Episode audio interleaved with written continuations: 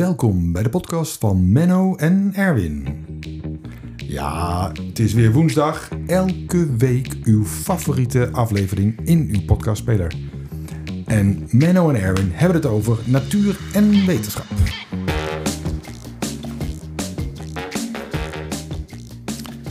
Ja, Menno. En eh, waar gaan we het deze week over hebben? Ik wou het deze week hebben over eh, wespen en hoornaren. Oké. Eh, ja, oké. Vind je dat leuk? Jij, ja, de- de- jij vindt het blijkbaar niet leuk. Ik zie aan je Oh. gezicht dat je denkt, nou, waar- waar- waarom dit nou weer? Ja. Nou, we- wespen zijn, eh, hebben ten onrechte een hele slechte roep. Hmm. Ehm, alsof eh, duizenden Nederlanders per jaar het loodje leggen vanwege ongelooflijk eh, giftige wespensteken. Nou, Ja. Ik geloof dat er eh, in de afgelopen tientallen jaren is er één keer één iemand gestorven. En het is onduidelijk of dat nou vanwege een omgevallen boom of vanwege een wespenallergie was. Oké. Ehm, Maar dus kunnen wel mensen heel allergisch voor zijn, toch? zeker. Ja. En, eh, en als je weet dat je dat bent, dan moet je natuurlijk oppassen. En dan, Maar dan moet je eigenlijk ook je voorzorgsmaatregelen al genomen hebben. Ja, zo'n pen, toch? Ja, bijvoorbeeld. Ja. Ja. Maar in zijn algemeenheid eh, zijn, ja, zou het niet best zijn als er geen wespen zouden zijn. Hm. Eh, ten eerste zijn er natuurlijk heel veel verschillende soorten wespen. Ja. Er zijn heel veel van die eh, sluipwespjes. Nou, bijvoorbeeld, wij kunnen haast geen, eh, geen, geen groente en, en fruit meer telen zonder die sluipwespen. Want dat is de biologische bestrijding voor allerlei eh, akelige insecten die, die ons eh, fruit en de groente opeten. Ja, En die sluipwespjes zijn een van de beste manieren om, eh, om die, die weer uit de weg te ruimen. Ja. Want alle wespen hebben in principe gemeen dat het vleeseters zijn. Oké.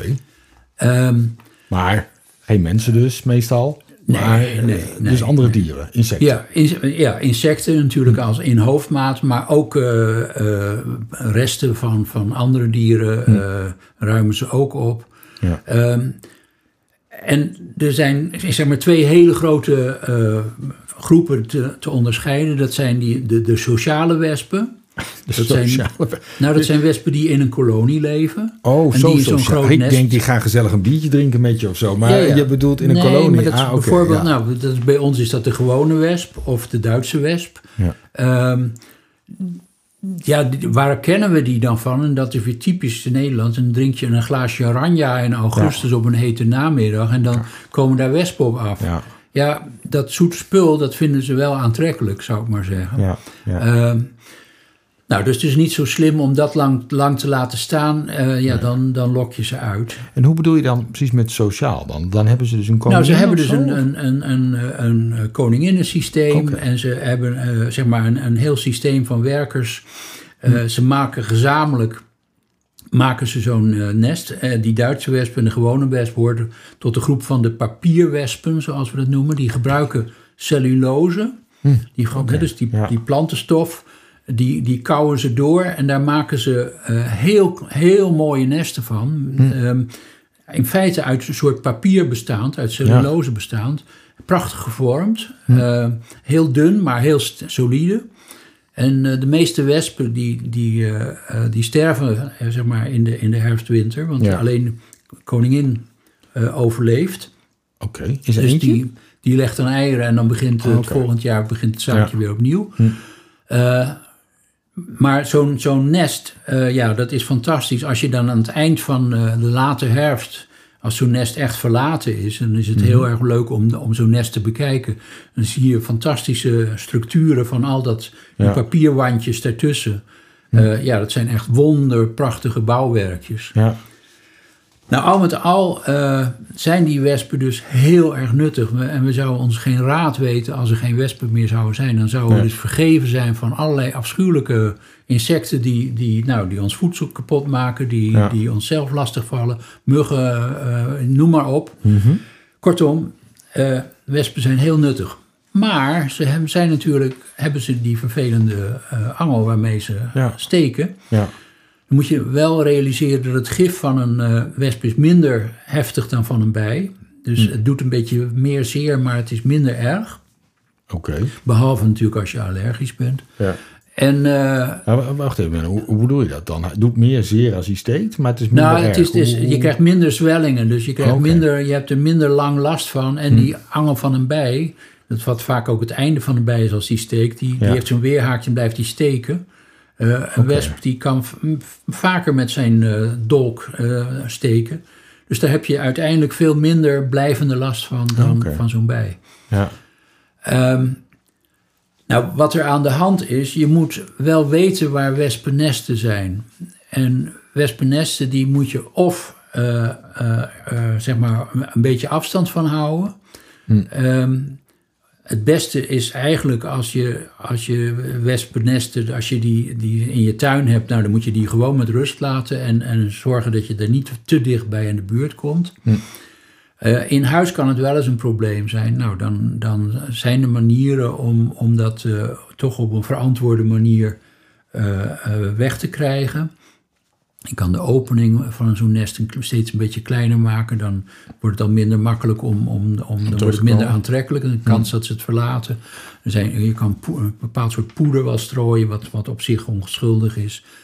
Ehm, maar eigenlijk is de, de algemene les: laat wespen met rust. ja. En ga alsjeblieft niet eh, eh, slaan ernaar of zo. Nee, dan, ja, nee. dan, dan lok je jezelf uit. Dan, dan maak je, veroorzaak je paniek bij die wespen. Want ze steken als ze zich bang voelen? Ja, of als, ze aangevallen als ze voelen, als ze, zich, eh, Ja. als ze zich bedreigd voelen. Of als ze denken dat hun nest in het gevaar is. Ja.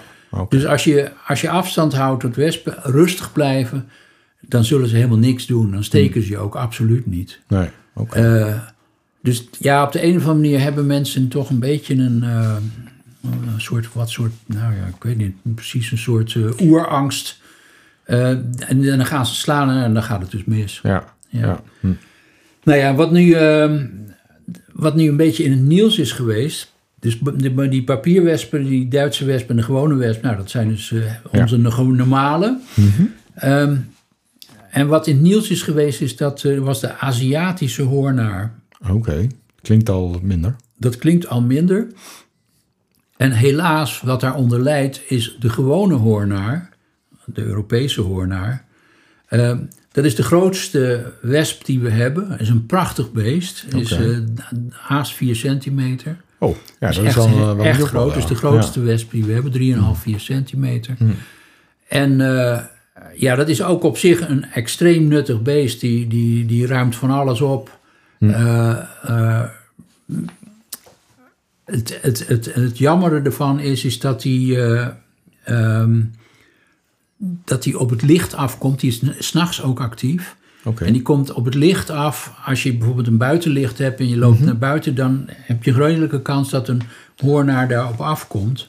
Eh, ja, dat is een beetje jammer, want dat, eh, dat betekent eh, dat je daar dus gewoon heel voorzichtig mee moet zijn. Je moet wel Ja. proberen te voorkomen dat die hoornaar binnenkomt. want als die steekt is het echt mis? Nee, dat is op zich ook helemaal niet, nee, dat is helemaal niet super erg. Hm.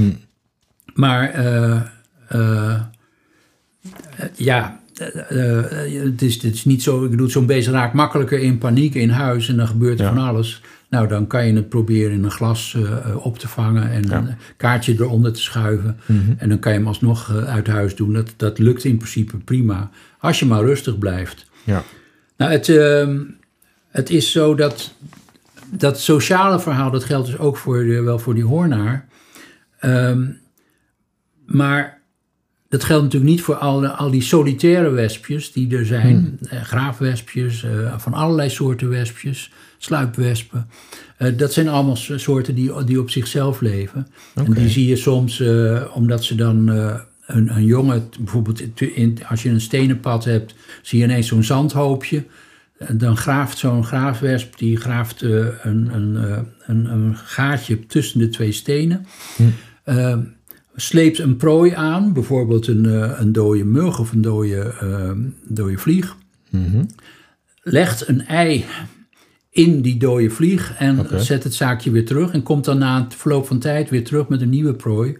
Om de opgroeiende, zijn opgroeiende jong eh, van voer te voorzien. Nou, dat is Maar- een, Maar als deze alleen leeft, hoe, hoe plant hij zich voort dan? nou, natuurlijk zijn er mannetjes en vrouwtjes die elkaar weten te vinden. Maar die komen Maar, elkaar ze, dan soms maar tegen ze, en ze leven zeg maar in principe heel vaak echt solitair. Ja, oké. Dus eh, ja. Ja. Nou ja, dat is. ehm, ehm, dat zijn de, de, de, de, de gewone dingen. Maar wat nu het vervelende is, is dat er een, eh, een Aziatische hoornaar, eh, waarschijnlijk met een eh, lading Chinees aardewerk, is het vermoeden, in een soort container waarschijnlijk, ehm, in 2004 naar Frankrijk gekomen is. eh, heeft zich verspreid naar, eh, naar Engeland, naar Italië, naar België. En is ook in, in, in, Zeels- in Zeeland gezien. Allemaal uit één container?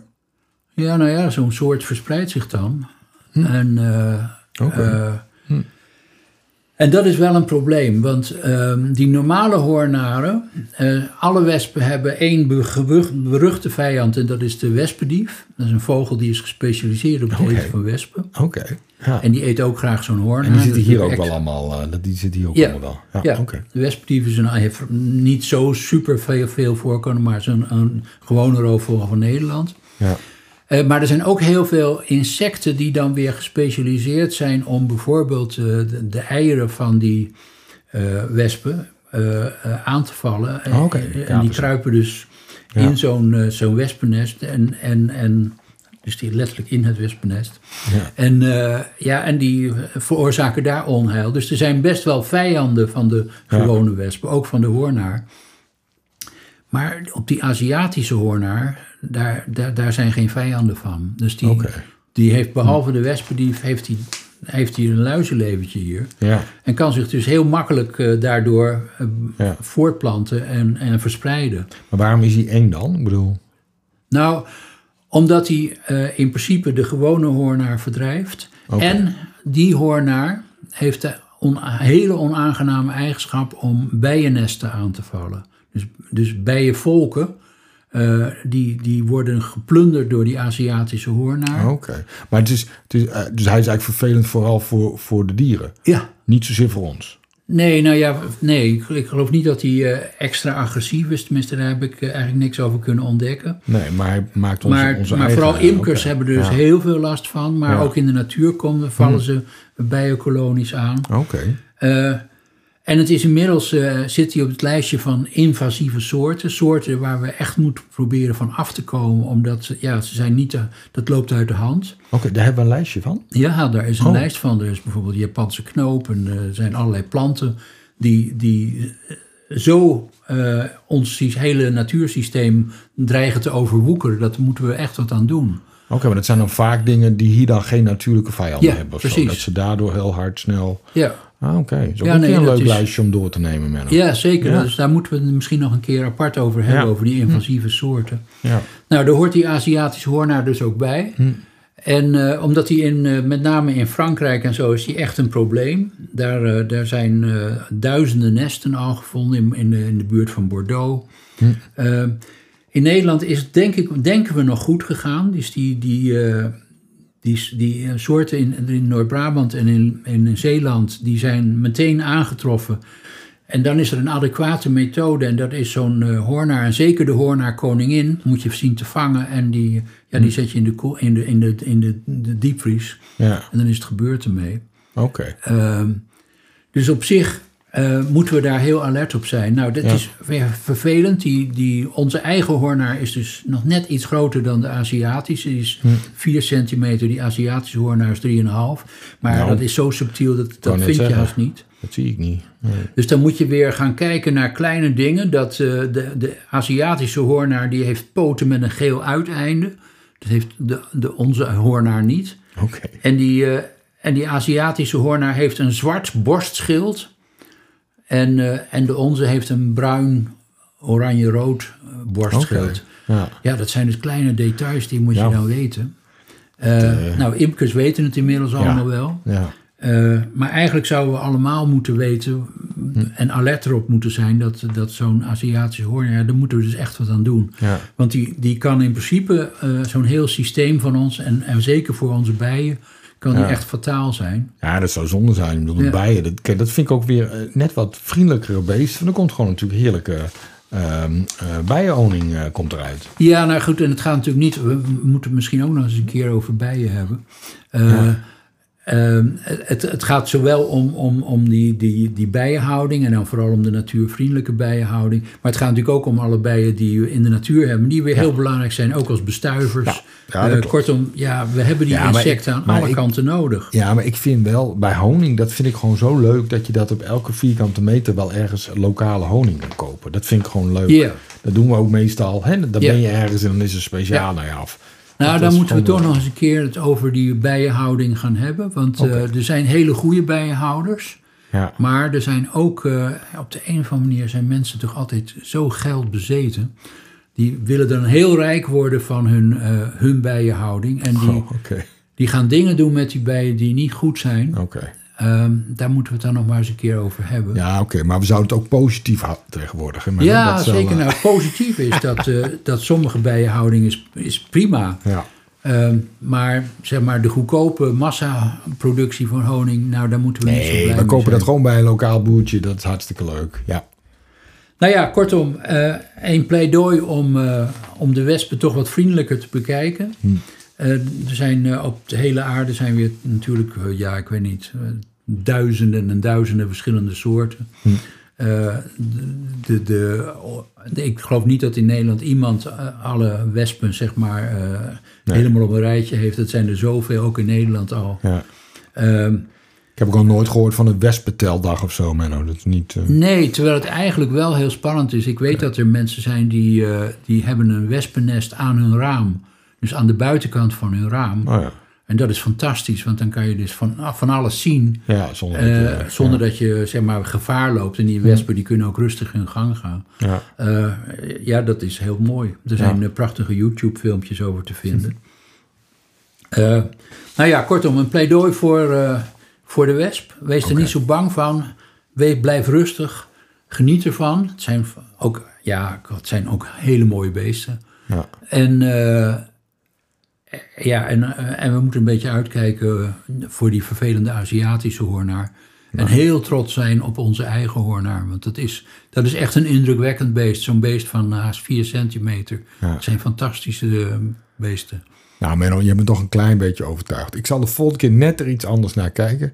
Maar goed, als ze bij mijn kinderen in de buurt komen, ben ik toch een beetje dat ik denk, nou, doe maar. Nou, zegt die kinderen dat ze rustig blijven. Ja, dat zal ik zeggen, dat zal ik zeggen. Ja. En Anders, Maar- eh, ja. Menno, dit was de aflevering over wespen. Vond u het nou leuk? Volg ons dan in uw favoriete podcastspeler. Dan krijgt u elke week een nieuwe aflevering over de natuur en de wetenschap. En deze podcast wordt gemaakt door professor Menno Gerkema en Erwin Balkman.